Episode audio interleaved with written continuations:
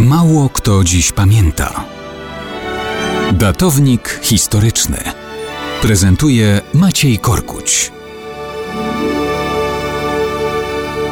Czy wilki mogły skorzystać z tego, że złoty lew odpadł? Czy wszystko razem mogło stać się definitywnym gwoździem do trumny dla księstwa Burgundii? Mogły. A wszystko dopełniło się w bitwie pod Nancy 5 stycznia 1477 roku. Oczywiście nie muszę Państwu przypominać, że mało kto o tym dziś pamięta. Historyczna Burgundia kilkanaście wieków temu obejmowała znaczny obszar od dzisiejszej Lotaryngii przez dużą część Szwajcarii aż po wybrzeże Morza Śródziemnego sięgający, z Marsylią i Tulonem włącznie. W XV wieku to już była odległa przeszłość, ale Karol Śmiały, książę Burgundii, zwany też Zuchwałym, postanowił zostać na nowo twórcą wielkiej Burgundii, obejmującej także Lotaryngię i Szwajcarię. Karol władał już rozległymi, choć porozrzucanymi obszarami sięgającymi nawet po Morze Północne. Teraz postanowił podbić Szwajcarię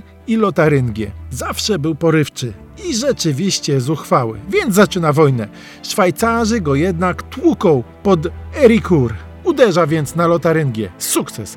Lotaryński książę René musi salwować się ucieczką. Mając Lotaryngię, zuchwały Karol znowu uderza na Szwajcarów. Raz, a potem drugi.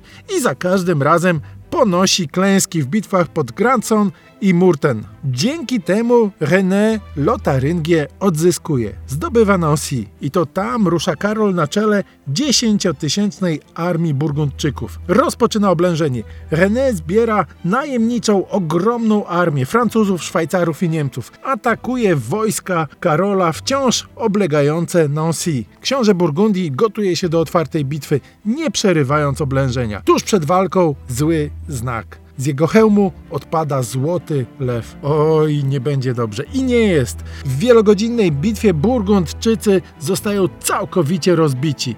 Dopiero po kilku dniach odnalezione zostają nadjedzone przez wilki zwłoki księcia Karola Zuchwałego. To był nie tylko koniec marzeń o Wielkiej Burgundii, to był w ogóle koniec Burgundii, którą wkrótce przyłączono do Francji. Lew odpadł, wilki skorzystały, a Burgundia przegrała wszystko.